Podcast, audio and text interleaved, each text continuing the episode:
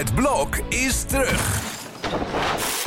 Vier koppels, vier bouwvallen, vier verbouwingen en dus een hele hoop stress. Het blok, iedere werkdag om half negen bij net vijf. Dit is Strik Privé, de dagelijkse showbiz-update met Evert Zandgoeds en Jordi Versteegde. Voor de dinsdag. Zo, en het blijft maar mooi weer. Dat is toch niet te geloven. Ik heb dit weekend op het terras gezeten, weet je dat? Gewoon buiten. Het voelde gewoon als zomer inderdaad. Ja, waar was dat? Dat was, dat was eh, onder jouw woning. Maar goed, nu wordt het allemaal weer te privé. Over privé gesproken. Wat een brug. Marieke Elsinga is bevallen. Ja, Wat, en, en, en wat heeft ze dat goed geheim gehouden voor haar collega's van Boulevard? Of zou het een deeltje geweest zijn? Afgelopen woensdag al is, eh, is hij geboren, Jip. En eh, nou, het was toch een heel verhaal. Zeg. Ze moet hier ongeveer langs gereden hebben over de A10, Ja. de ring van Amsterdam. Toen zij weeën kreeg, naar het ziekenhuis moest en alsnog daar moest bevallen. eh, Wat ze eigenlijk thuis had willen doen. Maar ja, het is allemaal goed gegaan. Dat is het voornaamste. En ze heeft er een paar dagen in alle stilte van kunnen genieten.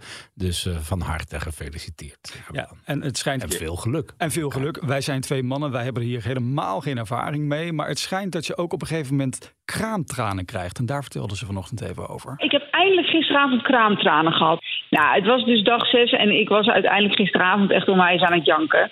Maar kijk, je bent natuurlijk elke drie uur wakker, want hij moet steeds drinken en al dat soort dingen. Dus ik ben ook een soort melkfabriek, dus gisteravond was het hier één groot tranendal, maar eh, van geluk. De grote vraag is natuurlijk wel: blijft zij die ochtendshow vier dagen in de week doen? Nou, als het toch al wakker wordt elke drie uur, dan, dan- dan lijkt me dat alleen maar makkelijker worden. Ja, Ja. nee, dat zal ook van de mannen afhangen en hoe ze dat geregeld hebben en bedacht hebben dat te gaan doen. Maar ja, het is wel een succes. Dus ik zou dat, als ik haar was, wel even vasthouden. Ja.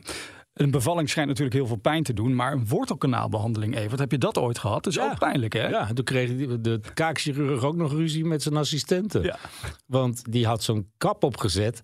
En die tandarts zegt, je lijkt wel... eh, of ik voel me net Diana in dat mijnenveld, zei die vrouw. Nou, zegt die tandarts, die was wel wat knapper.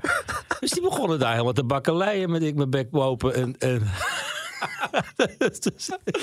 Maar er is dus één ding waar Linda de Mol minder zin in heeft dan een wortelkanaalbehandeling. Ja, Dat terwijl het vorig jaar nog zo'n feest was. Ik kan me dat wel voorstellen. En ik denk ook dat Linda met dit soort verhalen veel meer begrip kweekt voor de situatie dan met het eh, om zich heen slaan, wat ze eerder gedaan heeft dit jaar. En als je gewoon, eens gewoon zegt, als je nou terugdenkt aan kerst 2021. Toen had ik een prachtig huis, een leuke man, succes in mijn carrière en alles was fijn en wie kon me wat maken. En de eerste week van januari was dat allemaal anders. En als je dat zo uitlegt, dan denk je, ja mensen, je hebt toch echt wel het een en ander voor de kiezer gehad dit jaar. Je hele wereld is ingestort. Een man die zo onder vuur kwam te liggen, die weg is, die, die alleen nog een keer bij therapie gezien hebt. En, en ja, je leven staat op je, komt met heel andere ogen bekeken door iedereen, terwijl je zelf niks gedaan hebt. Dat vind ik wel eh, hard. En ik kan me voorstellen dat als je dat zo onder woorden brengt, dat, dat je dat echt diep meent en, en ook zo voelt. En aan de andere kant, ja, het zijn maar twee dagen. Dus ja, je- ze zal er heus wel doorheen komen met goede vrienden, vriendinnen en, en alles wat er onderheen zit. Ja. Maar het is, eh, ja, het, het, het is een hard gelach. Daar kan ik me echt iets bij voorstellen. En iedereen kan wel heel makkelijk zeggen, ja, die Linda de Mol, eh, alles. Maar ja, het, ze heeft ook heel veel te verliezen. En ze heeft heel veel verloren dit jaar. Ja, ze kijkt het minst uit naar dat moment op 31 december, 12 uur. Normaal gesproken stond ze natuurlijk uitgebreid te kussen met Jeroen om het nieuwe jaar in te Ja. luiden. En nu vraagt ze om de partners van haar kinderen om, om, om samen een groepsuk te geven. En, Nou, eh, het ja. wordt vast een geweldige avond. En je kan ook zeggen, hè, hè, dat jaar zit erop. Ja. En dan moet je maar eh, hopen dat het volgend jaar beter gaat. En ergens moet er toch schot zitten in die zaak. En op een gegeven moment kan ze het achter de laten. En dat moet je dan op oudejaarsavond ook maar eh, realiseren. Maar is het raar als ik even aan je vraag, maar hoe moet dit dan voor Jeroen zijn? En voor al die andere hoofdrolspelers in de Voice Hell? Die moeten toch op 31 december ook denken van, godverdomme, wat was dit voor raar? Ja, maar heel gek. Daar hebben we een stuk minder moeite, een Moeite stuk mee. minder medelijden Nee. mee ook. Ja, Nee, nee, dat ja. zoekt hij wel lekker uit hoe hij dat gaat doen. Hij, heeft, eh, hij voelde zich de koning van het gooi. Ja. Als je ziet wat hij aangerecht heeft in die familie, dat is, eh, dat is eh, heel veel. En eh, nou, dat, ga maar op die blaren zitten hoor. Ja. Voor Leeuw Kleine en Jamie Vaas is het op zijn zachtst gezegd ook niet echt een heel eh, lekker jaar. Gisteren natuurlijk die rechtszaak. Toen- Ja, we hadden gisteren al over de, de blender. En de, en de, maar het is toch wel een gênante vertoning dat je daar een rechter moet gaan lastigvallen over een broodrooster en een blender. En, en het zou gaan over tonnen aan horloges. En het draait uit op, op, op zo'n kinderachtige toestand. Dat ik denk als rechter, van, jee, heb ik hier nou zes jaar voor zitten studeren? Ja, ja, dan moet je toch ook denken, waar ben ik mee bezig?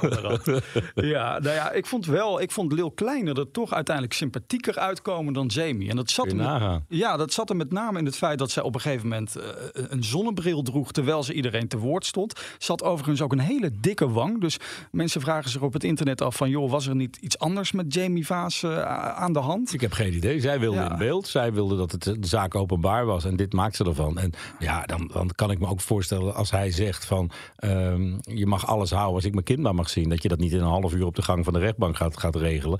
Maar het zou wel de oplossing kunnen zijn voor het hele probleem. Het kan zomaar zijn dat ze er binnen nu en een week uit zijn. En dan ziet hij zijn kind weer. En dan, eh ja, die advocaten gaan met elkaar in gesprek. En dan mag zij de, alle, mag zij de broodrooster houden.